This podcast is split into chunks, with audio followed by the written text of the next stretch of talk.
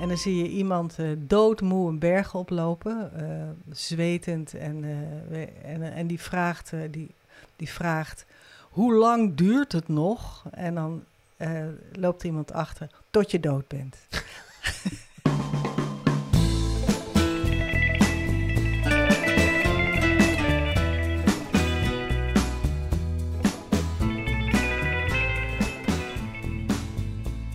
Lieve luisteraars, welkom bij de Verhalengast. Mijn naam is Rick Kleijsen en fijn dat je luistert. Alles is een verhaal en iedereen heeft een verhaal. Jij ook. Maar hoe ga je dat vertellen? Dat hoor je in deze podcast. Mijn gasten zijn allemaal verhalenvertellers. Ze schrijven boeken, of ze maken films, muziek of kunst, of ze staan voor een publiek met hun persoonlijke verhalen. Samen met hen ga ik op zoek naar hoe vind, maak en vertel je jouw verhaal. En welke betekenis kun je daaraan geven? In deze aflevering is de gast Mieke Bouma. Zij is toonaangevend geweest voor de ontwikkeling van storytelling als vakgebied in Nederland. Ze is opgeleid in het theatervak, was docent aan de theaterschool in Amsterdam, studeerde theater, film en televisiewetenschappen aan de Universiteit van Utrecht en ze schreef scenario's voor film, tv en opdrachtfilms. Tien jaar geleden richtte ze samen met Henk Hofman de Storytelling Academie op. En dat is zeer succesvol gebleken, want inmiddels hebben vele studenten zich daar ontwikkeld als verhalenvertellers en hun verhalen kennis opgedaan. En zelf was ik er daar ook een van. Zij schreef diverse boeken over storytelling, waaronder Storytelling in 12 stappen, De Kleine Campbell en bijvoorbeeld Waarom de heks in de oven verdween. Vooraf wil ik je nog meegeven dat ergens in het interview het gaat over de sprookjes van de gebroeders Grim. En de vraag die toen kwam was van, is het woord grimmig daarvan afgeleid? Oftewel, is grimmig een eponiem van de naam Grim? Uh, wij zijn kennelijk niet de enige die ons dat afvroegen, want in het KRO radioprogramma De Taalstaat gaf Roos de Bruin al eens antwoord op die vraag. Nee, het woord werd al in de 14e eeuw opgeschreven, drie eeuwen voor de gebroeders Grim. Het woord komt uit het Germaans en heeft twee betekenissen: masker of helm. En de andere betekenis vreed of boosaardig. Weten we dat ook weer. Maar dus een hele duidelijke link tussen grim en grimmig is er niet echt. Goed, dan gaan we nu naar het interview. We beginnen op het moment dat ik Mieke gekscherend de verhalenkoningin van Nederland heb genoemd. Veel luisterplezier.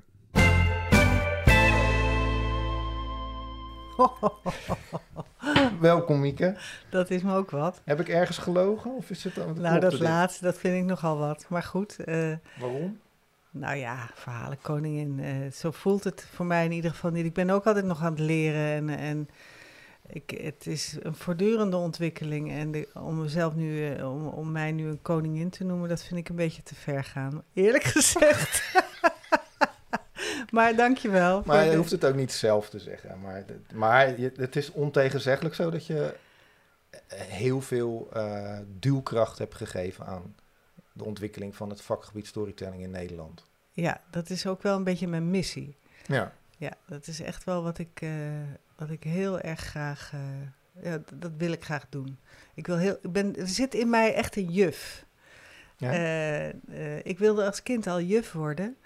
En um, nou, ik heb dat even geprobeerd ook om nog een blauwe maandag op de Pabo te gaan uh, rondlopen. Maar dat was het allemaal niet. En ik ben er pas later achter gekomen dat ik het het allerleukste vind om dat wat ik zelf heb geleerd over verhalen, om dat over te dragen. Dus uh, inderdaad, in die jufrol, of ja, juf klinkt natuurlijk ook weer zo tuttig, maar ja. het overdragen en het... Uh, en het mensen begeleiden in uh, uh, wat kun je er nou zelf mee en uh, hoe kunnen we met dit mooie vak de wereld een beetje mooier maken, beter maken. Ja, dat is wel wat mij drijft. Ja, mooi. Nou, daar komen we straks ook nog wel over te spreken, denk ik. Maar eerst, ehm, ik was nieuwsgierig. Wat is nou het eerste verhaal wat jij hoorde waarvan je, wat jou aangreep? Waarvan je dacht van, ja, oh, dit is de, de, de kleine Mieke hoort een verhaal. En, oh ja, dat zijn er wel heel veel. Ik kan niet één verhaal. Nee? Nee. ik, ik was al vanaf jongs af aan echt helemaal gefascineerd door verhalen. Ik had een moeder die dol was op verhalen voorlezen ook. Dus ik herinner me nog dat ik met haar op de bank zat. En dat ik, met, dat ik me zo'n beetje tegen haar aan nestelde. En dat zij met een van de boeken, en dat was dan soms de, zijn de sprookjes van Andersen, of de sprookjes van Grimm, of de kinderbijbel, of weet ik wat allemaal. Uh, daar las ze dan uit voor. En ja, ik genoot daar verschrikkelijk van. Ja. Bijvoorbeeld de, de, in de sprookjes van Andersen had ik, heb ik twee favoriete verhalen die ik nog steeds interessant vind. Dus het meisje met de rode schoentjes en uh, de kleine zeemeermin. Dat zijn twee Ja. verhalen die ik als kind al zo fantastisch vond. En wat, wat sprak jou dan aan in die, die verhalen? Of misschien wel in de sprookjes van Andersen? Ja, het was ten eerste is het prachtig geschreven. Ehm, het is, het is een, er wordt een, een sfeer, een, een, een, een, ja, er wordt een, een, het zijn prachtige beschrijvingen, zoals bijvoorbeeld de opening van de, de kleine zeemermin, hoe hij beschrijft hoe het daaronder, in, diep in de zee, hoe het er daaruit ziet. Ja, daar wil je gewoon zijn dan. Ja, Eh, ja dat is met, een kunst de- op het paleis van de koning zitten schelpen, of nee, mosselen of oesters die opengaan met, met het vloeien van het water. Gaan die open en dicht en dan zie je de parels erin en dan de, het wuivende, de wuivende zeeanemonen in alle kleuren van de, eh, van de regenboog. Ja, dat spreekt dan zo tot mijn verbeelding. Dan Ja, precies, wil ik want- daar gewoon zijn. Ja, want dat, dat, dat is het dan inderdaad ook. Die werelden komen echt tot leven voor jou dan. Ja, dat, daar, daar kan ik me helemaal in inleven. Ja. Ik, ik, ik zwem daar dan bij wijze van spreken rond. Ja. Ik identificeer me met de hoofdpersonages. En eh, ja, En wat, wat mij zo opvalt, eh, is dat bijvoorbeeld, zeker als het naar de sprookjes van Grimm kijkt bijvoorbeeld, dat, dat, daar komt natuurlijk ook het woord grimmig vandaan, denk ik. oh, dat zou zomaar kunnen. Dat heb ik Ja, nooit. Ik eh, geloof, ik geloof dat het daar vandaan komt. Anders moet ik het er weer uitknippen straks. Deze ik vind het wel een leuke, grimmig. Want ze zijn soms inderdaad best wel grimmig. Ja, dat is... Hoewel ze, de- hoewel ze de, de echte rauwe versies vaak alweer bewerkt hebben, hè, de gebroeders. Later zelf nog. Ja, want zij hebben van die oorspronkelijke volksverhalen hebben ze, hebben ze een beetje eh, aangepast. Dus een Roodkapje was volgens mij eh, aanvankelijk nog veel gruwelijker. Oh, echt? Eh, dus ja, de broer, de- ik, ik, weet daar, ik, ik ben daar niet heel erg precies van op de hoogte, maar ik weet wel dat zij enorm ja, veel verhalen hebben aangepast. En, Ja, want dat, daar wilde ik eigenlijk naartoe. Dat was een beetje mijn vraag. Omdat ik heb het idee dat als je kijkt naar toen zij die verhalen schreven en hoe er nu verhalen worden geschreven, dat dat, zeker als het over sprookjes gaat, dat dat veel minder eh, grimmig is, zeg maar. Is dat iets... ja, je bedoelt als er nu sprookjes worden verteld, dan is het een beetje Disney-versie. Nou, als je die oude Disney-versies of de oude Disney-films ziet, die zijn nog in, echt met veel Ja. engere heksen Ja, en ja. veel... eh, ja, Het is veel- een beetje glad gepoetst, vind jij? Ik, ja, ja, de nieuwe Disney-films zijn toch allemaal wat, eh, wat meer gesneden koek, makkelijker eh, tot... eh, Ja. Ja. Nee, dat is wel zo, denk ik, ja. ja, toch? Ja, dus, dus eh, de, het- de sprookjes werden soms ook niet verteld aan kinderen omdat ze te gruwelijk werden, eh, waren eh, heel vroeger. Hè? Dus, Ja. dus misschien hebben ze een beetje. Nu denken we dat sprookjes voor kinderen zijn, Maar toen misschien helemaal niet. maar oorspronkelijk zijn het gewoon volksverhalen ja. die, waar een soort les in zat of waarin ergens voor werd gewaarschuwd. Of natuurlijk een symbolische benadering van, ja, van alles wat wij meemaken, namelijk eh, of, alles waar we bang voor zijn, eh, dat werd dan eh gemythologiseerd en, en in een verhaalvorm gestopt. ja. Dat is, dat is eigenlijk de basis van het sprookje. Ja, dat- oorspronkelijk is alles natuurlijk, zijn het volksverhalen die doorverteld worden. Dus er zijn ook zoveel varianten van alle sprookjes. Ja. Ik bedoel, het schijnt dat Roodkapje ook een Indiase versie heeft die, weer, die er weer anders uitziet. Dus die oorspronkelijke eh, eh, volksverhalen, ja, op het moment dat ze zijn opgeschreven, eh, daar zijn ze eigenlijk al een beetje in het beton gegoten. Ja. Eigenlijk zou je verhalen misschien helemaal niet moeten opschrijven, maar alleen maar moeten Doorvertellen. doorvertellen. Ja. Om ze levendig te houden ook. Ook omdat ze dan misschien in de hun in de tijd waarin ze verteld worden weer een nieuwe ehm, betekenis krijgen. Of een nieuwe, en, en nu zijn het gewoon, oh ja, dat zijn de sprookjes en zo zitten ze in elkaar. En, dus ze zijn eigenlijk al bekend. Uh, en je, alsof je er niet meer echt over kunt verwonderen wat er eigenlijk plaatsvindt in die sprookjes. Ja. Dus de hele orale, dat, dat is het leuke vind ik van uh, wat wij doen met storytelling in allerlei contexten, organisaties, op scholen, uh, waar dan ook. Dat mensen weer leren hoe het is om verhalen te delen. Ja. Over hoe je in de wereld staat, hoe je, hoe je dingen beleeft, uh, waar je bang voor bent, wat de grote overwinningen waren, wat, wat, nou, al die dingen, die menselijke dingen, laten we daar gewoon verhalen over vertellen. En dan herkennen we heel veel. En dan denken we, oh ja, dat lijkt wel een beetje op het sprookje van. Ja. Uh, omdat er zitten natuurlijk universele motieven in ieder persoonlijk verhaal. Dat is het mooie. Hoe persoonlijker, hoe universeler ook tegelijkertijd. Want dan, dan zijn uh, onze persoonlijke angsten, kunnen we allemaal wegschrijven als draken, bij wijze van spreken. Ja, draken. Daar wilde ik het straks nog even ja, met je ja, over we hebben. We gaan het over de, de draken We hebben. gaan het nog over draken hebben. Ja, ja, ja, ja. Die, die, die parkeren we. Maar um, wat, ik, wat ik me ook afvroeg, is er, is er een verhaal of een, een, ja, een verhaal wat jij uh, bijvoorbeeld in boekvorm of filmvorm echt wat maar, waar je niet genoeg van kan krijgen, wat je maar herleest en herkijkt. En, uh... Ja, dat wisselt. Het, het, het wisselt. Want um, ik heb steeds wel weer een, verhaal, een, een nieuw verhaal wat me intrigeert en waar ik dan eventjes mee leef. Mm -hmm. Ik heb niet een verhaal wat altijd maar. Uh, wat steeds bij je terugkomt of zo? Nee. Nee, niet, niet in die zin. Maar er zijn wel verhalen die ik blijvend intrigerend vind. Omdat ik er misschien nog steeds niet helemaal uh, vat op krijg. Of omdat ik er nog steeds nieuwe betekenissen in ontdek. Um, heb, je, heb, je, daar een voorbeeld van? Nou, bijvoorbeeld, ik heb nu bijvoorbeeld weer um, opgepakt het verhaal van Amor en Psyche. Ik weet niet of je dat kent. Het is een nee. heel oud verhaal. Wat, um, het is een verhaal. Ik zal het zo even opzoeken. Het staat hier ergens in de boekenkast. Ja, we zitten hier naast uh, een heel mooi boekenkastje. maar um, uh, waar het over gaat is dat uh, er is een dochter van een koning.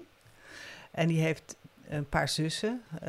ik weet niet, ik geloof dat het drie of, of misschien zijn het er wel zeven. Dat maakt niet uit. Dat zie je dus heel vaak. Zo'n zo'n thema. Er is een hoofdpersonage, een jong meisje. En die valt een beetje uit de boot. Want die ja. komt in dit geval niet aan de man die oude zussen, die oudere zussen zijn allemaal getrouwd. Die hebben allemaal een prins gevonden. En die, die koning die maakt zich een beetje zorgen over het feit dat dat jonge meisje nog steeds niet aan de man is gekomen. Dus uh, brengen ze haar op een gegeven moment uh, naar een hele hoge berg uh, waar ze achtergelaten wordt. En daar ontmoet ze Eros, de god van de liefde. Ja. Uh, en daar beleeft ze geweldige nachten mee. dat zijn nou, ze heeft echt het idee dat ze in de hemel is gekomen. Zo'n geweldige ervaring is dat. Maar alleen, ze ziet hem niet, omdat hij alleen s'nachts verschijnt. Hmm. En dan komen op een gegeven moment de zussen langs en die zeggen: En hoe is het nou? Zegt ze: ik, ik beleef een geweldige liefde, maar ik weet niet zo goed hoe die eruit ziet. En dan zeggen ze, nou ja, dat moet je dan toch, uh, dan moet je toch achter zien te komen. Dus die zussen die zeggen, doe een olielampje aan midden in de nacht en kijk dan. Maar hij heeft nou juist tegen haar gezegd, zorg dat je dat niet doet, want dan is onze liefde verbroken. Mm. Dus zij verbreekt eigenlijk daarmee, dat doet ze, dan steekt ze dat lampje aan en dan uh, valt er een druppel van die hete olie uh, op zijn lichaam en dan wordt hij wakker en dan vlucht hij. Um, maar die, die herinnering aan die ultieme liefde, die draagt ze dan mee in haar hart. En vervolgens moet ze um, uh, heel veel taken verrichten. Uh, zij moet uh, een hele reeks ingewikkelde opdrachten vervullen. Omdat ze dus zeg maar uit het paradijs is geknikkerd. Onder andere moet ze ook naar de onderwereld. Nou, nadat ze al die opdrachten heeft vervuld, vindt ze haar geliefde weer terug. En, uh, en is het, komt het allemaal goed. Trouwens, wat je heel veel terugziet in verhalen. Vrouwen die iets doen wat eigenlijk niet mag. Hè, zoals eten van de verboden appel ja. of uh, Daar van het pad af. Uh, denken, ja. dat, dat zijn van die motieven van je doet iets wat eigenlijk niet volgens de norm is. Daar word je voor gestraft en vervolgens moet je, krijg je het heel erg moeilijk. Nou, dat is eh, wat je eigenlijk ziet in dat verhaal, is een universeel motief, namelijk dat er een hoofdpersonage uit de heelheid wordt geknikkerd. Eh, En dat zou je kunnen zien als wat we allemaal als mens meemaken, namelijk het moment van geboorte. Namelijk we komen uit de heelheid, uit het paradijs, worden we op deze aarde geworpen. Ja. En eh, moeten we het maar zien te rooien. En moeten we allerlei ingewikkelde dingen doen waar we niks van snappen. We moeten leren rekenen, lezen, lopen, fietsen, zwemmen, werken, eh, al die dingen meer. En we snappen, nog, we snappen tot op hoge leeftijd soms nog Nee. niet waarom en waartoe moet dit allemaal. Ja. Ehm, en het zijn allemaal beproevingen eigenlijk die, die op ons pad komen om vervolgens erachter te komen dat, ehm, ja, dat als we dat, eh, als we ons eigen pad blijven volgen, dat we dan ook eh, weer beloond worden of dat we weer terugkomen, eh, dat we de liefde weer hervinden. Maar het is dus voortdurende opdracht om bij jezelf te blijven eigenlijk. Daar gaat het steeds. Wat- jij, kon, jij vertelde dit omdat je vertel, eh, zei van, dat dit is een verhaal waar je maar over na blijft denken. ja, dat is nu... Heb je dit nou opgelost voor jezelf al? Of is Nee, dit we nog zitten steeds, middenin. Zoek je daar nog steeds ik zit er middenin en ik... ik, ik ja. en, en wat is dan de vraag die je... Of wat onderzoek je dan? Nou, wat ik eigenlijk onderzoek, en dat is wat ik eigenlijk, wat mij fascineert in alle verhalen, is de reis van de ziel door de wereld eigenlijk. Hè? Eh, ieder verhaal gaat over die lastige manoeuvre die de ziel moet maken in een aards lichaam om te overleven en erachter te komen, what the fuck is dit allemaal? Ja, ja. Waar hebben we mee herkenbaar. Waar hebben we mee te maken? Wat Ja. moeten we doen? Wat moeten we laten? Wat is mijn pad? Als ik zeg, Joseph Campbell zei, mijn grote inspirator, die eh, al, zeg maar de grandfather van de storytelling, Ja. eh, die zei: Follow your bliss. En dat is, ja, daar kun je ook nog even je tanden op zetten. Wat is dat dan, je bliss? Is dat je hart volgen? Nou, misschien zelfs wel meer dan dat. Want het is er eigenlijk, zou je ervan uit kunnen gaan dat er een soort blauwdruk in jezelf is ergens. Een, een, een, een soort afspraak met jezelf van dit heb ik te doen in de wereld. Ja, Alleen ben je dat vergeten op het moment dat je geboren eh, wordt. geboren wordt. Ja, er is in de Griekse mythologie zijn er ook allerlei mooie verhalen over. Dat dit, dit kuiltje boven, je, eh, boven je bovenlip, dat is, eh, dat is dat het moment dat de engel vlak voor je geboorte eh, de vinger op je, op je mond legt en zegt... ehm, eh, nou ja, de- ja precies. de Dan, vergeet je weer wat je, vergeet je wat, je, wat je doel was. De- of wat je wilde leren. En dan soms gaat het ook over de rivier de Lete eh, in de Griekse mythologie. Dat is de rivier van de vergetelheid. Dus je vergeet, je bent vergeten waartoe je op aarde bent. En dat is eigenlijk de hele, het hele stomme gedoe. Dat je je hele leven je best doet om erachter te komen, wat was het ook alweer? Ja. Ehm, Ja, en dat, dat is natuurlijk heel verwarrend. Want soms denk je van, oh ja, nu heb ik het gevonden. ja, en, En dan, dan na een tijdje denk je, denk je van, nou, dat was toch ook Nee. niet helemaal of zo. Nee. Nee. En, en dan kom je heel erg op de vraag van, is het iets wat je wil of is het iets waar je ten diepste behoefte aan hebt? Ja, of waarvan je denkt dat je het moet. Ja, Of dat het van jou verwacht er wordt zit of zo. zoveel conflicten en contrasten, dat hele pad. Ja, Wat er van je verwacht wordt, eh, wat je eigenlijk het liefste wil, waar je goed in bent. eh, ja, daar gaat het allemaal daar over. gaat het over. En dat zijn verhalen zijn altijd de spiegels voor dat zoekproces. Ja. En, en er zijn verschillende soorten verhalen. Ehm, heb, je, heb jij een vertelvorm of eh, verhaalvorm waarvan jij zegt van dat is, mm, ja, da- daar, die vind ik het meest fijn, zeg maar? Nou, nee, niet per se. Ik, ik hou van heel veel soorten verhalen. Ik, ik heb het misschien nog. ehm, ja, ik hou heel erg van de Griekse mythologie. Dat vind ik waanzinnig interessant. Dat Mhm. kan ik eindeloos eh, weer herlezen ook. Ehm, ik heb Wat- in corona. wat spreekt jou daar in de symboliek of zo? Ja, de Of symboliek. Dus het is één grote metafoor voor het leven. Ik heb Ja. bijvoorbeeld in coronatijd heb ik de hele Odyssee gelezen weer. Oh. Ehm, Ik heb een ja, keer een poging gedaan, maar dat was niet... niet in de Homerus-versie. Oh, maar in de versie van Imme Dros. En die is fantastisch. Ja? En is ook in dichtvorm. Ja, het is prachtig. Ah, oké. Eh, en toen dacht ik, ja, dit is zo'n metafoor voor het leven. Uh, alle beproevingen, de, ook het hele idee van alle manschappen die Odysseus, Odysseus uh, op zijn boot, op zijn vloot heeft. Hè? Al, die, al die mannen, al die medestrijders uh, die terug moeten naar Ithaca, die van, van Troje teruggaan naar Ithaca. Ja. Um, ja, dat zijn allemaal zeg maar innerlijke stemmetjes. Allemaal uh, okay. Ja, be soms belemmerende overtuigingen, gedachtetjes, aannames. en wat hij eigenlijk moet leren in die hele Odyssee, is dat hij,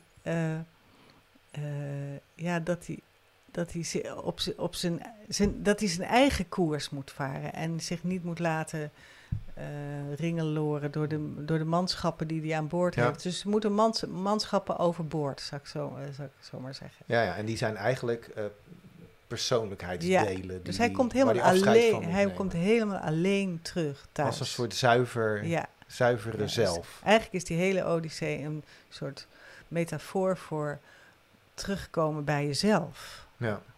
En alles overboord gooien wat dat in de weg staat. Nou, als je, het zo, als je zo naar Griekse mythen gaat, naar, naar, naar dit soort oude verhalen gaat kijken, dan worden ze zo, zo rijk, Ja. zo ja, een soort hulpbronnen misschien wel. Ja, ja, zeker. Ja. Ergens las ik dat jij zegt van... eh, ik, ik geef een beetje mijn eigen draai aan, maar goed, ge- goed gevormde verhalen geven antwoord op vragen waar we allemaal bewust of onbewust naar op zoek Ja. zijn of mee bezig zijn. ja. Is, is, dat de, is dat de essentie? Is dat waar verhalen om Ja. draaien, denk je? Nou, verhaal, ja, een, een verhaal kan ineens, ja, kan zo de hefboom naar inzicht zijn. Mhm. Ik weet niet of jij dat wel eens ervaren hebt, maar dat je een verhaal leest en denkt, "Ah, oh ja, nu snap ik het. Oh, dit is het. Ja. Dus het, dat is het wonder van de betekenisgeving. Het moment dat je gaat snappen, ah, zo zit het in elkaar.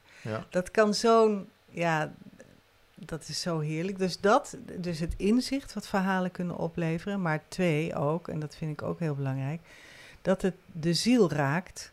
Dus om een, een, een goed verhaal, eh, of een verhaal, nee, laat ik het zo zeggen, een verhaal dat jou raakt, raakt jouw ziel. En dan kan je bijvoorbeeld plotseling overmand worden dat je door tranen, door kippenvel, dat je heel hard moet zuchten, dat je dat, dat gevoel van, oh ja, nu, oh, oh, of, of dat je om onverklaarbare redenen moet huilen om Mhm. een scène in een film of, in een, of een scène in een boek. Dat heeft te maken met eh, dat het ergens resoneert met iets, eh, iets, iets in jouw ziel. En, ehm, en huilen is dan zo lekker, want het is reinigend. Hm. Net als opluchting, dat je heel hard moet eh, zuchten na, nadat iets ah, goed is gekomen, bijvoorbeeld. Of eh, dat je kippenvel krijgt. Al die lichamelijke sensaties, die zijn gewoon goed. Die zijn gezondmakend, want die zijn Ja, ja. helend. Dat zijn de helende Ja. effecten van een goed verhaal. Ja, precies. Ja, ja, ja.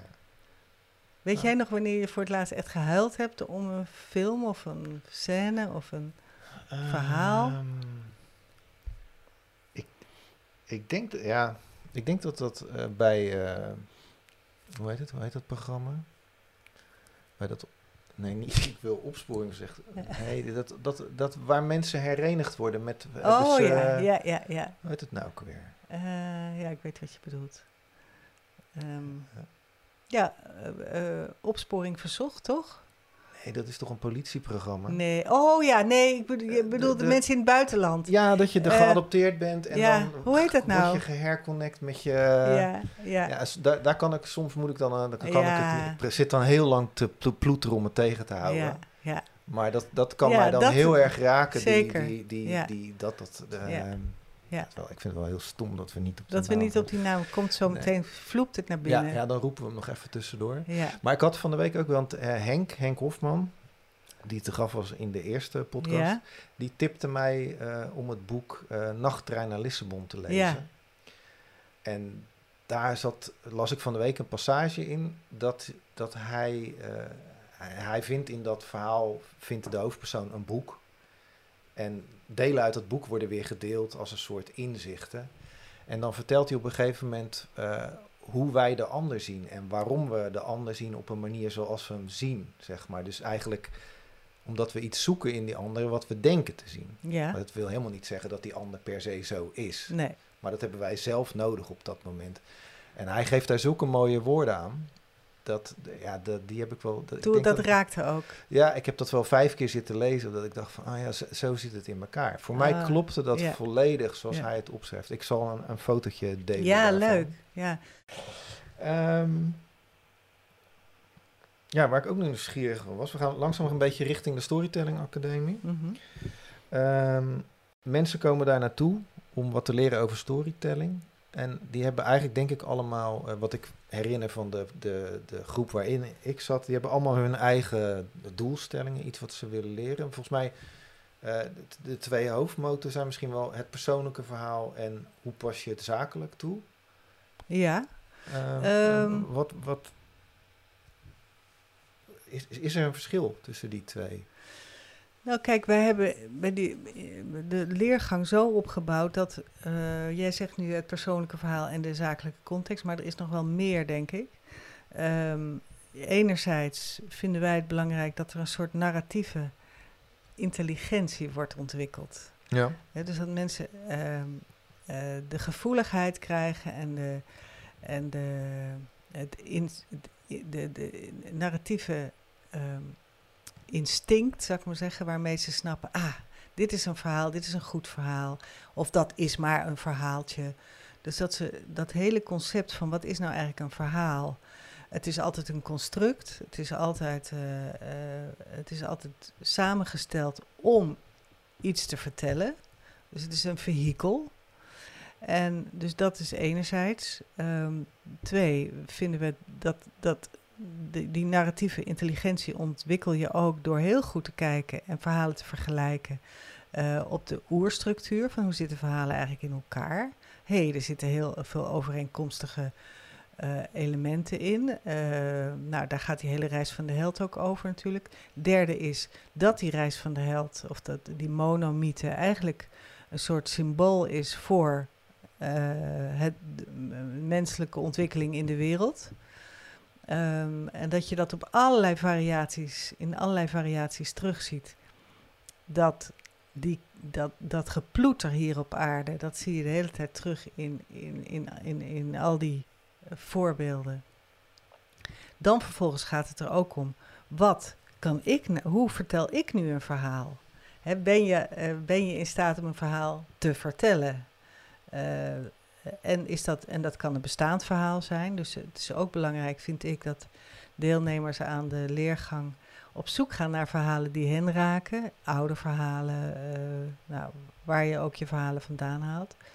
Uh, bestaande verhalen, taalverhalen, sprookjes, mythen, parabels. Noem maar, dat je daar een beetje wegwijzen in wordt. Het is zo'n rijk gebied. Mm en vervolgens inderdaad, wat ga je ermee doen? En dat is niet per se zakelijk, want sommige mensen werken in de persoonlijke, uh, uh, persoonlijke coaching of in het onderwijs. Of, uh, nou, we hebben langzamerhand zoveel doelgroepen ook uh, voorbij zien komen van advocaten, dominees, natuurbeheerders. Ja, precies. Hè, dus, maar het gaat wel Maar die passen het wel toe in hun werk. ja, nou, precies. Dus ik zou eerder zeggen, hoe kun je het professioneel of in je eigen vakgebied ja. dat verhalende of die narratieve intelligentie ook proberen te wakker te maken. Zodat, zodat de hele wereld beter gaat snappen. Ah, dit is maar een verhaaltje. Of dit is het verhaal wat echt bij ons past. Of uh, nou, dus ja, dat. Ja, ja, ja. ja snap hem. Het programma is trouwens spoorloos. Spoorloos! Dat is natuurlijk! Ja, ja, ja. wat stom. Kijk, bij jou popte het erin. Opeens was hij er. Dat ik dacht van, oh ja, daar, is, daar zal je hem hebben. Soms, soms, duurt het gewoon even. Ja. ja, en dat is prachtig, spoorloos. Ja, want dat, daar, daar komen de, de twee gescheiden werelden komen samen. En dat, dat raakt, omdat we allemaal willen dat de, de tweedeling opgelost wordt. Ja. We willen gewoon dat, die, dat de dualiteit verdwijnt. En dat we heel zijn en één worden. Ja. Dat is een diep verlangen volgens mij in ieder mens. Alleen de idiotie is dat mensen in het echte leven precies het tegenovergestelde doen door uh, zich boven de ander te stellen of uh, zich tegen de ander Ja. uh, op, op te richten. Nou, noem maar. Dus die, die, dat, he- de hele wereld zit vol met contrasten en conflicten en dualiteiten. En, we, en diep van binnen onze ziel weet dat dat niet hoort. Eh, maar toch blijven we op de een of andere manier ons afscheiden van, eh, van de ander. ja, wat is dat toch? Dat is hè? een drama. Dat is het drama van de mensheid. Ja.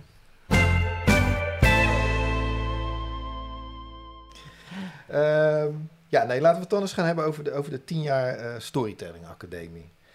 Ehm, want er, zijn natuurlijk, er komen veel mensen naar jullie toe. En wat mij opvalt is dat er veel mensen lijken, of in toenemende mate lijken er steeds meer mensen die zoiets hebben van ja, ik heb een verhaal en dat moet verteld worden. Is dat, is dat alleen in mijn beleving zo? Of heb jij, zie jij dat ook terug? Ik, ik zie steeds meer mensen schrijven een boek of zijn van plan een boek te schrijven. Of hebben het erover in ieder geval. Oh, dat, eh, ja, ik weet niet of dat. Ik, ik weet niet of dat. ehm, of is dat gewoon van alle tijden misschien? ja, ik denk het. Misschien dat het je opvalt of zo. Ik denk dat we onze, dat onze diepe behoefte van ieder mens is het gehoord te worden en het verhaal. Eh, maar misschien is het wel zo dat we in een wereld leven inmiddels dat, de, dat, ja, dat, dat het mogelijk gemaakt wordt om dat verhaal ook te delen via podcasts, boeken, Mhm. eh, televisie, eh, weet ik wat. Dus ja, misschien is dat wel aan de hand. Eh, Nee, kan je wel eens gelijk in Dat je meer het gevoel hebt dat, je, Ja. dat, dat het mogelijk is om te delen. Vroeger Ja. moest je natuurlijk echt ja. naar de uitgever. En eh, nu zijn natuurlijk veel meer mogelijkheden om te delen. ja, Ik, ik hoor, Ja. het viel me, ik zat van de week zat ik op een terrasje. En dat, er zaten twee schrijvers kennelijk. Want die een had net een boek uitgegeven. En die ander kwam, eh, die had hem gecontact en zij wilde van hem weten van joh. hoe doe je dat nou? Nou ja, zij had het boek ook laten drukken, maar en dan? Dus Oh, ik ja. heb een, dus ja, er zitten gewoon twee mensen naast mij die allebei een boek hebben geschreven. Ja. En ik ken hun allebei niet. En ja, ik had ook niet zoiets van ik ga mij in dat gesprek mengen, want ik vond het eigenlijk wel heel interessant. Maar ja, gewoon op een willekeurig terrasje in Rotterdam. eh, grappig hè? Ja, Ja, dus er zijn Ja. toch veel mensen ja bezig. nee, dat klopt. Er is wel behoefte aan dat. Er is wel een. Je hebt, ja, je hebt wel gelijk. Er is misschien wel een grotere behoefte om dat verhaal te delen dan ooit. Ja, Ja. want wat, wat zegt dat over onze tijd, denk je? Nou, dat, dat we, we zijn heel erg op zoek, denk ik, naar zingeving. Eh, en op het moment dat je je eigen verhaal optekent of, of gaat opschrijven, ben je met, met zingeving en betekenisgeving bezig. Want dan moet, je, eh, dan moet je al keuzes maken. Wat vertel ik wel, wat vertel ik niet? Welke, wat is eigenlijk de plotvraag? Eh, waar schrijf ik naartoe? Welke lessen heb ik geleerd? Wat waren de keerpunten in mijn leven? Wat, wat zijn eh, eh, mentoren geweest? Wat zijn overwinningen geweest? Nou, al, alles wat te maken heeft met terugblikken en reflecteren op je leven of op een fase uit je leven, betekent betekenis geven. Ja, Het betekent eh, nadenken over waar ging het eigenlijk over? Wat was de diepere laag? Wat was de boodschap? Wat heb ik er voor lessen uitgetrokken? ja. En de, eh, misschien is het wel zo dat in deze tijd nu de grote verhalen niet meer binden. Hè. Vroeger had je natuurlijk gewoon, in, in- in- hier in het Westen had je gewoon, hè, er was een één soort godsdienst, Ja. eh, het christelijke geloof. En je had de dominee of de pastoor en je ging zondag naar de kerk. En dat, dat verbond en dat was gewoon het grote verhaal. ja, dat zijn we een beetje kwijt. En dat zijn we helemaal kwijtgeraakt. En, en, en er lopen nu allemaal ook verschillende verhalen door elkaar heen. En, eh, en iedereen moet het op zijn eigen manier maar uitzoeken. En juist dat op je eigen manier moeten uitzoeken, omdat het grote verhaal verdwenen is. Of omdat het, het, het grote, ja, ja, het grote verhaal, dus de, de grote mythe, zou ik maar zeggen, waar we ons aan vast kunnen houden, die betekenis geeft aan ook aan fases in ons leven of overgangen, zoals dat vroeger was. Ja, dat is verdwenen. Dus moeten we onze eigen mythe gaan maken. Joseph Campbell zegt: de mythe is eigenlijk een buidelzakje, zoals eh, bij de kangeroes, eh, de kleine kangeroejongen eh in dat buidelzakje was, zat bij de moeder. Ehm, dat buidelzakje is een soort, uh, ja, het beschermt, uh, het wapentje. Uh, het geeft je het gevoel dat je nog, dat je ergens bij hoort. Maar het, het, dat, dat is het idee van de mythe. Dat, dat je je ergens aan vast kunt houden, dat je je mhm. beschermd voelt. Dat je uitzicht hebt, ook perspectief op het nieuwe. Nou, en vooral in deze tijd, denk ik, ehm, is dat ja, misschien kunnen we wel stellen dat wat jij net zei, dat steeds meer mensen hun eigen verhaal willen gaan vertellen of opschrijven, dat het daarmee te maken heeft.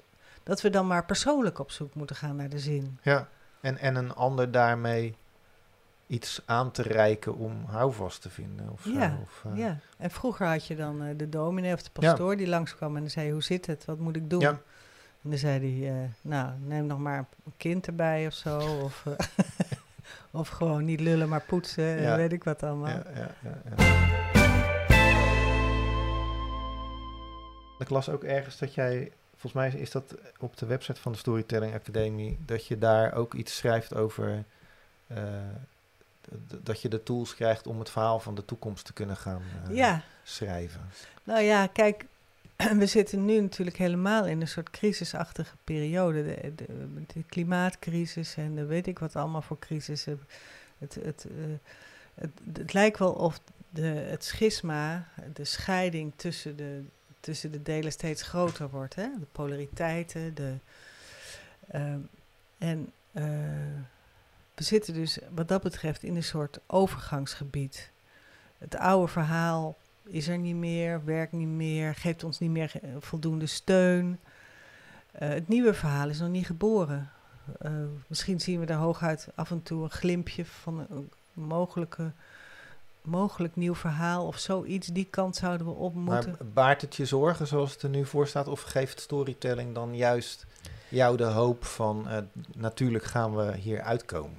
Nou, dat is, wel, dat is wel een gewetensvraag. Want soms ben ik ook best wel somber. Dan denk ik, jeetje, Mina, hoe moet het allemaal? Mhm. Eh, en, en tegelijkertijd denk ik, ja, wat ik bijvoorbeeld soms meemaak in een groep, in het klein, dat is dan in het klein, dat op het moment dat mensen verhalen gaan uitwisselen, uh, ontstaat er een soort groepsziel of een soort groepsdynamiek die heel wezenlijk is groepen die bij ons drie van die drie lange modules achter elkaar uh, hebben gewerkt, die zijn zo verbonden met elkaar. Die, die gaan wij spreken huilend uit elkaar, omdat er mhm. een soort eenheid is gesmeed. En we op heel wezenlijk niveau met elkaar hebben gecommuniceerd. We hebben, uh, we hebben onze uh, kweestes, onze zwaktes, onze, onze, ons gedoetje, onze mindfucks hebben we allemaal gedeeld. En dat geeft een enorme band. Uh, dat smeet echt een band. Mm -hmm. Dus mijn idee is dat als we dat op grotere en grotere en grotere schaal gaan doen, dat er dan, uh, dat dan die bezieling en die, die zingeving uh, weer terugkomt. Dus die gezamenlijke zingeving. Die ge gezamenlijke zingeving. Ja. En die is misschien wel, dat is de, de optelsom van alle persoonlijke zingevingen.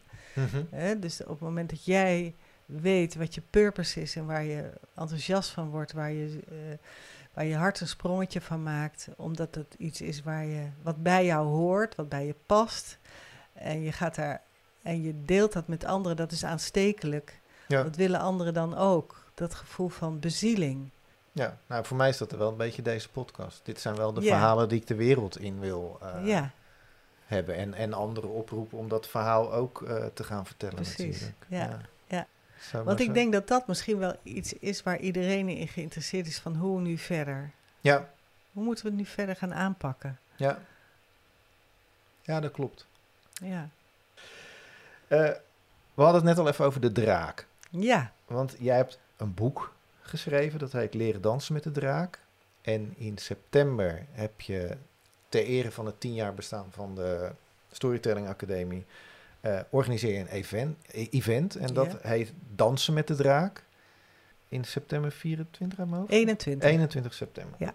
Wat, uh, wat is het met de draak? Ja, nou, uh, misschien moet ik eerst even vertellen over dat boek. Ja.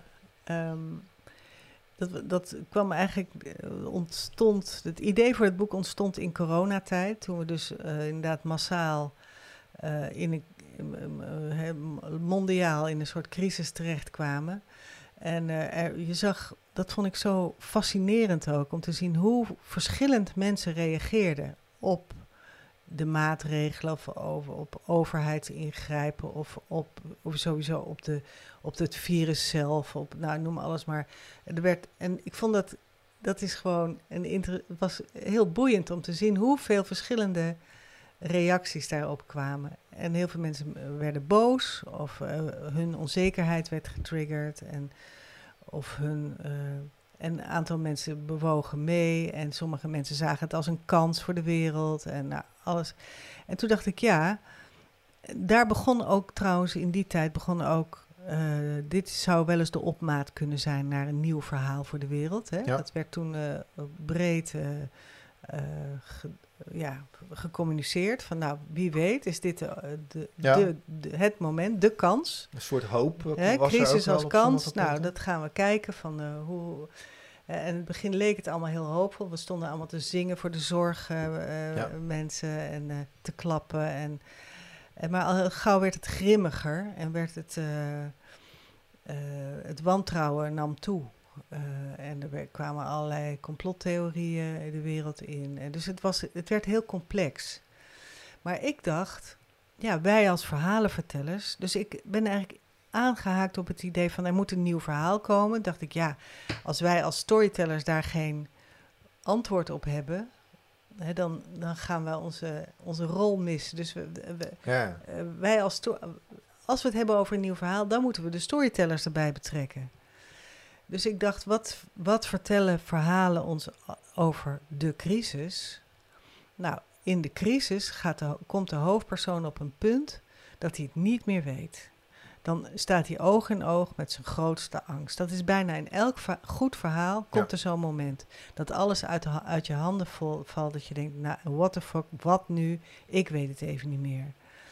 Uh, en, dat is vaak dan, kijk, in actiefilms staat de, uh, de, hoofdpersoon dan tegenover de vijand. ehm, beetje maar in allerlei variaties is dat... soms is het je innerlijke angst. Uh, maar wat het ook is, waar je tegenaan loopt in het, op het allermoeilijkste moment, het is angst. En die angst kun je zien als een draak. Ja, dat, dat is de, waar het uiteindelijk over gaat. En waar die draak je eigenlijk, en wat de grote misvatting is, is dat wij de, in het Westen hebben wij een narratief ontwikkeld, al heel oud, heel oud verhaal. We moeten de draak verslaan. Ja. Daar moeten we ontzettend ons best voor doen. We moeten we al het, al onze hele wapenarsenaal uh, voor in stelling brengen om die draak een kopje kleiner te maken. En daar zijn ook heel veel verhalen over. Denk maar aan Herakles, die, die, Hydra probeert te killen door die koppen eraf te hakken.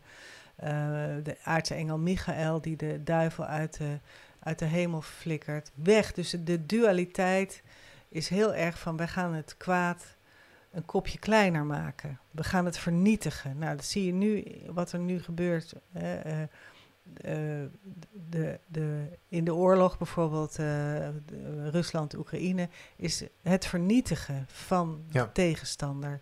Het vernietigen van gebouwen.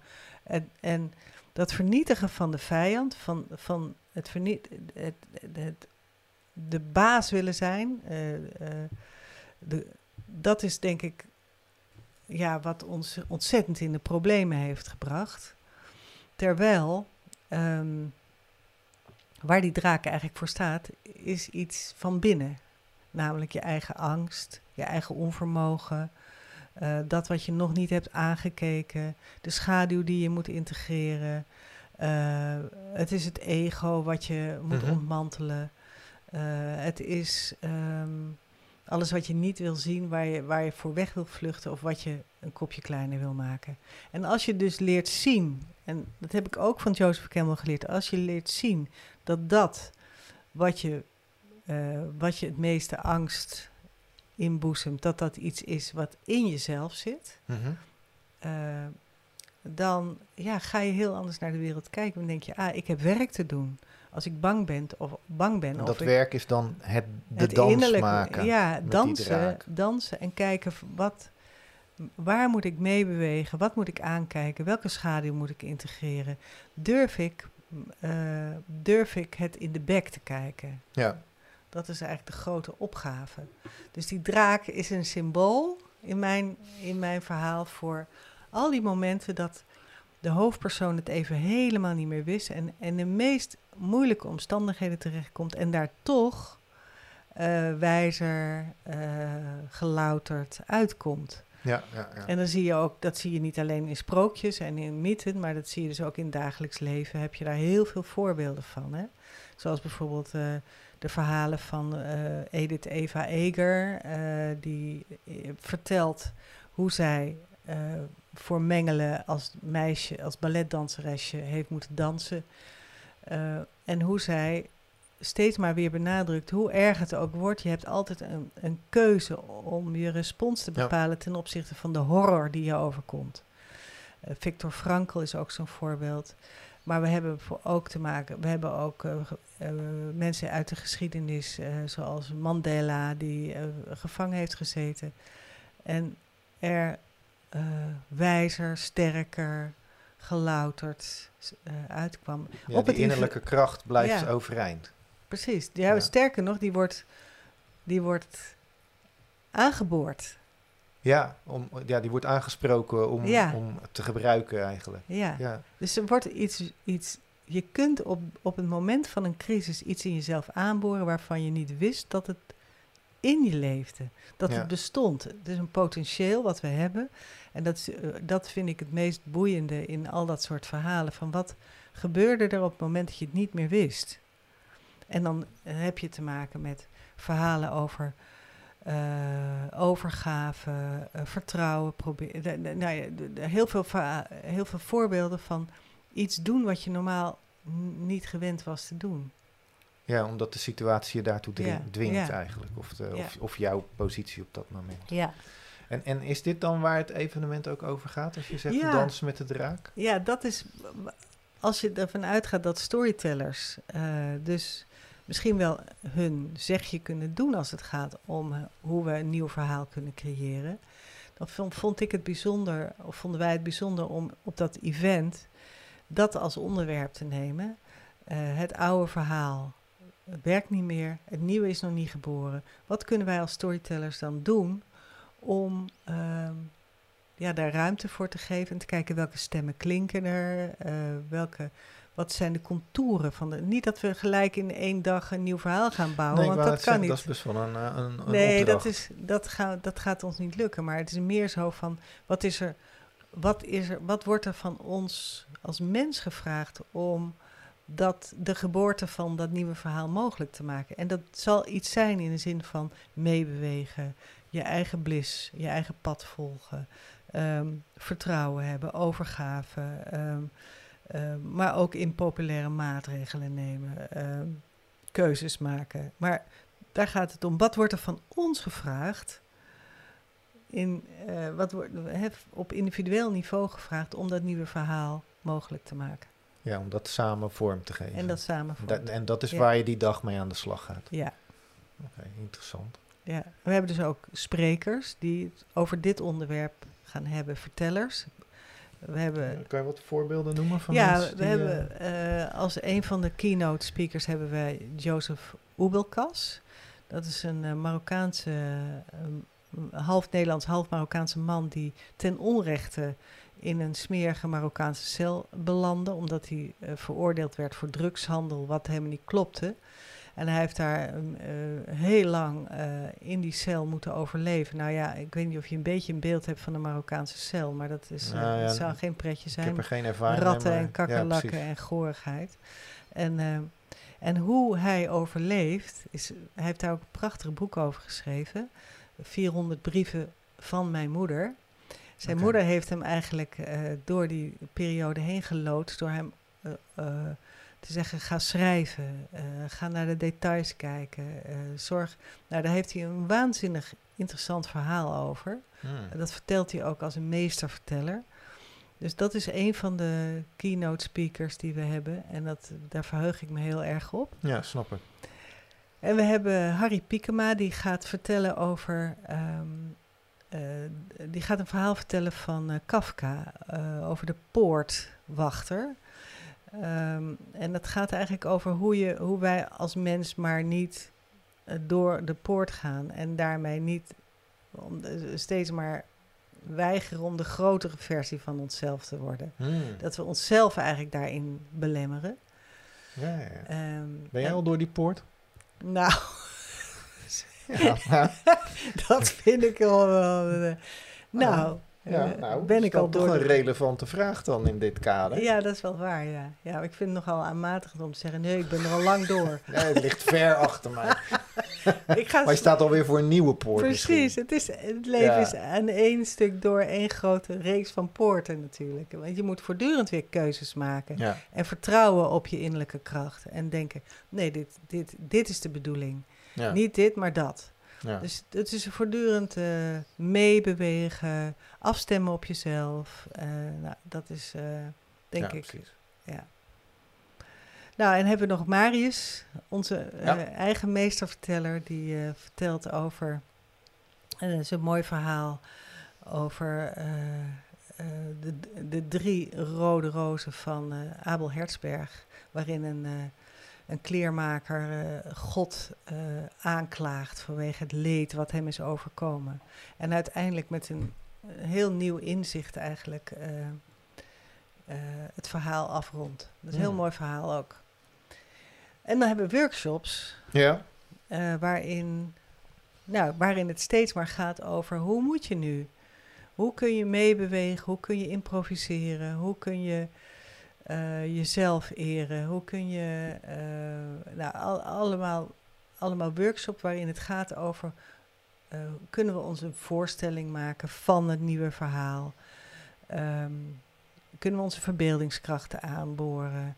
Kunnen we vertrouwen? Kunnen we meebewegen? Al die dingen meer. Ja, en, en dat sluit je dan af met een, ja met een, met een soort conclusie of zo? Of, Nou, of- of- want dat dat is- lijkt me nog wel een, eh, nou, dat is een, ook een opdracht. Ja, daar zijn we, eh, hebben we wel een hele bijzondere vorm zijn we daarvoor eh, aan het ontwikkelen. Ik ga daar niet alles over zeggen, maar het wordt een soort magisch slotritueel. Oké, Waarin de, veel stemmen gehoord worden.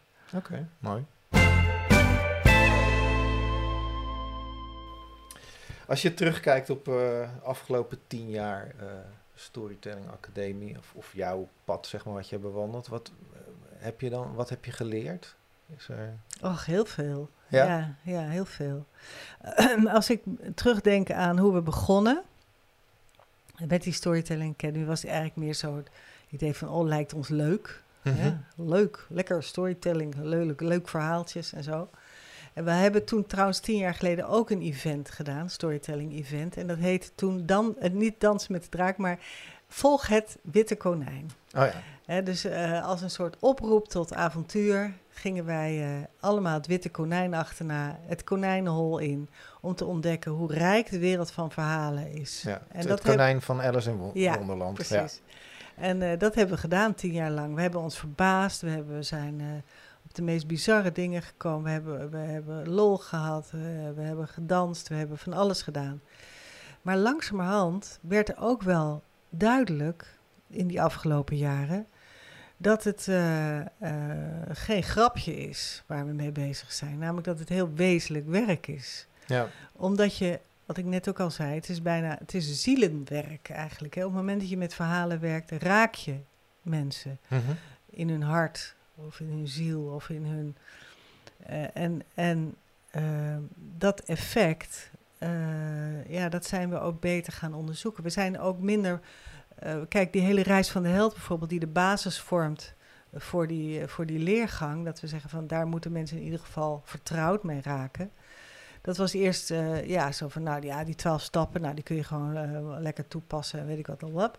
Maar mijn perceptie is dat die twaalf stappen, die hebben zich in de, voor mijn gevoel, die hele reis van de held, is, is dieper, mysterieuzer, complexer eh, dan die twaalf stappen doen vermoeden.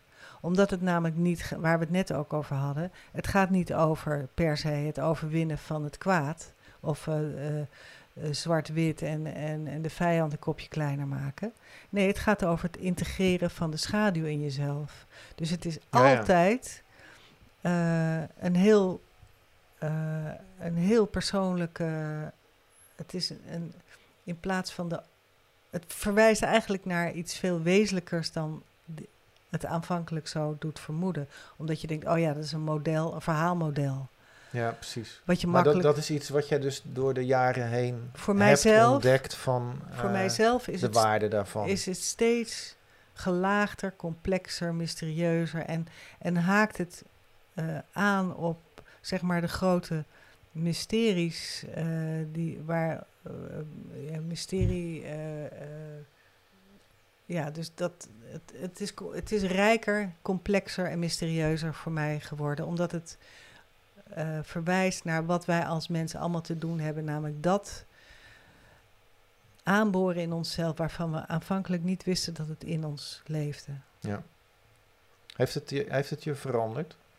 Deze, deze hele tocht die je hebt gemaakt? Ja, het heeft me wel. Het heeft me uh, verrijkt. Laat het zo zeggen. Ja. Um, ik ben heel, heel blij mee met wat er allemaal gebeurd is, wat ik heb geleerd, wat ik heb mogen uitvogelen, uh, wat ik heb mogen uh, ontdekken. Um, en het bijzondere ook dat de, alle verhalen die gedeeld worden, uh, dus wat ik net, waar ik net ook al mee begon, hoe persoonlijker de verhalen, hoe universeler ze zijn. Hoe meer we denken van ja, maar het is ook mijn verhaal. Mm. Hè, universele dingen als gezien willen worden, erkenning willen. Uh, uh, de, de, eeuwen, de eeuwige zoektocht naar wat heb ik nou te doen in de wereld? Wat is mijn pad? Uh, ja. En ik vertel wel eens tijdens, de, tijdens de, een van de, van de lessen bijvoorbeeld hier beneden bij Wim op het, is mijn man, hè, ja. in zijn studio hangt een klein plaatje. En daar staat, daar zie je dus een soort stripje, een soort cartoon. En dan zie je iemand doodmoe een berg oplopen, zwetend. En, en, en die vraagt, die, die vraagt, hoe lang duurt het nog? En dan loopt er iemand achter, tot je dood bent. En dat is precies. Moeten we zo maar even een fotootje van maken, misschien? Ja. Dan kunnen we die. Ja, ook nog maar dat is precies waar het over gaat. Het is de eeuwige worsteling. En die worsteling is tegelijkertijd het grootste geschenk. Want in de worsteling ligt ook de genade, de schat, Ja. uh, de oplossing, et cetera. Dus thank God voor de worsteling. Ja, Uh, en, en tegelijkertijd frustreert het ons. Ja. Ik Kijk, daar heb je het weer. ja, precies. Daar heb je het weer. Dus weer, weer zo'n worsteling, weer zo'n Ja. pijn, eh, zo'n, zo'n dat gemis, het idee van dit is het nog niet. Terwijl we wel een herinnering hebben aan hoe het zou moeten. Dat is mijn, dat is mijn idee, hè? Dat je dus eh, dat je het ergens in je draagt. Dat, dat beeld van hoe het zou moeten zijn. Ja. Ja. Ja, Dat zijn dat- de, zeg maar de heilige bergen of het, de heilige Ja. graal. Of het gevoel van, oh ja, maar dan, dat dan. Maar we maar je moet plaatsen het jezelf steeds... niet in de maling nemen met een soort utopische gedachte. Nee, nee, Het nee. gaat natuurlijk wel om dat dat een realistisch... eh, Nou, en het probleem is. is ook dat we het buiten onszelf plaatsen, terwijl het in ons zit. ja, We denken, als we nou maar dat hebben, ja nee, dan, eh, dan, dan komt komt het het helemaal goed. goed. ja. Als ik nou maar eenmaal eh, die reis heb gemaakt, dan ben ik helemaal bij mezelf gekomen. ja. Eh, of als ik nou eenmaal een nieuwe computer heb, nee, dan ga ik echt aan dat boek beginnen. Precies, ja. Dat, soort onzin. Ja, ja. ja, herkenbaar. Ehm, ja, je hebt al heel veel boeken geschreven, maar die gaan natuurlijk eigenlijk allemaal over... eh, Hetzelfde, dat zegt mijn zoon altijd. oh ja, die is eh, vrij kritisch daarin? Of, eh, Nou ja, maar die ik kan het zo mooi. Dan, want dan hè, ben ik met een nieuw bo- boek bezig en dan vraagt hij waar gaat het over? En dan zeg ik, nou daar en daar en daarover. Oh ja, dat is eigenlijk hetzelfde. Waar je al je boeken over gaan. En eigenlijk is dat ook zo. Want het gaat eigenlijk allemaal waar we het net ook over Ja. hadden. Namelijk die, die menselijke zoektocht naar, naar zingeving, naar betekenisgeving. Ja, Ja, precies. En dat be- bekijk je steeds vanuit een andere hoek Ja, of zo. Ja, ja. ja. Ja, ja, Maar komt er nou ook nog eh, een, een boek, zeg maar, waarin jij eh, meer een, een fictieve roman, waarin Nou, je al, ja. die, die, al die kennis die jij hebt, dat- waarin dat Ja, maar dat is ook als lastig, een soort, eh, waarin dat allemaal samenkomt. Ja, ja dat zou, zou ik wel heel leuk vinden. Maar ik weet het nog niet. Misschien moet ik eerst... Misschien weet ik niet. Ik, ik denk dat ik... Ik schrijf wel eens korte verhaaltjes, stiekem, voor mezelf. Ja. Ehm, maar het is ook wat je zegt, omdat ik vaak ook denk: oh ja, maar dat klopt gewoon niet. Of het moet aan die. eh, dat- Het zit niet lekker in elkaar. Dan, dat blokkeert Te dan weer. kritisch. Ja. Maar eh, eh, ik vind het wel heerlijk om te schrijven. Dus wie weet, als ik ooit nog eens heel veel tijd heb, dat ik, dat ik toch Ja. een. eh, dat er nog eens zoiets komt. Ja, Dankjewel graag voor, gedaan, eh, Rick. voor dit Leuk. gesprek. Ja, ik vond het ook heel leuk. Ja. Ja.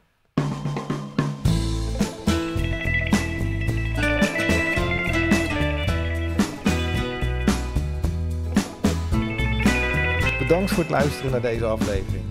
Ik hoop dat je weer wat kennis en inspiratie hebt opgedaan om met je eigen verhaal aan de slag te gaan. Als je dit een leuke podcast vindt, abonneer je dan of geef hem een like of laat ergens een review achter. Ik ben je er echt heel erg dankbaar voor. Fijne dag en tot de volgende.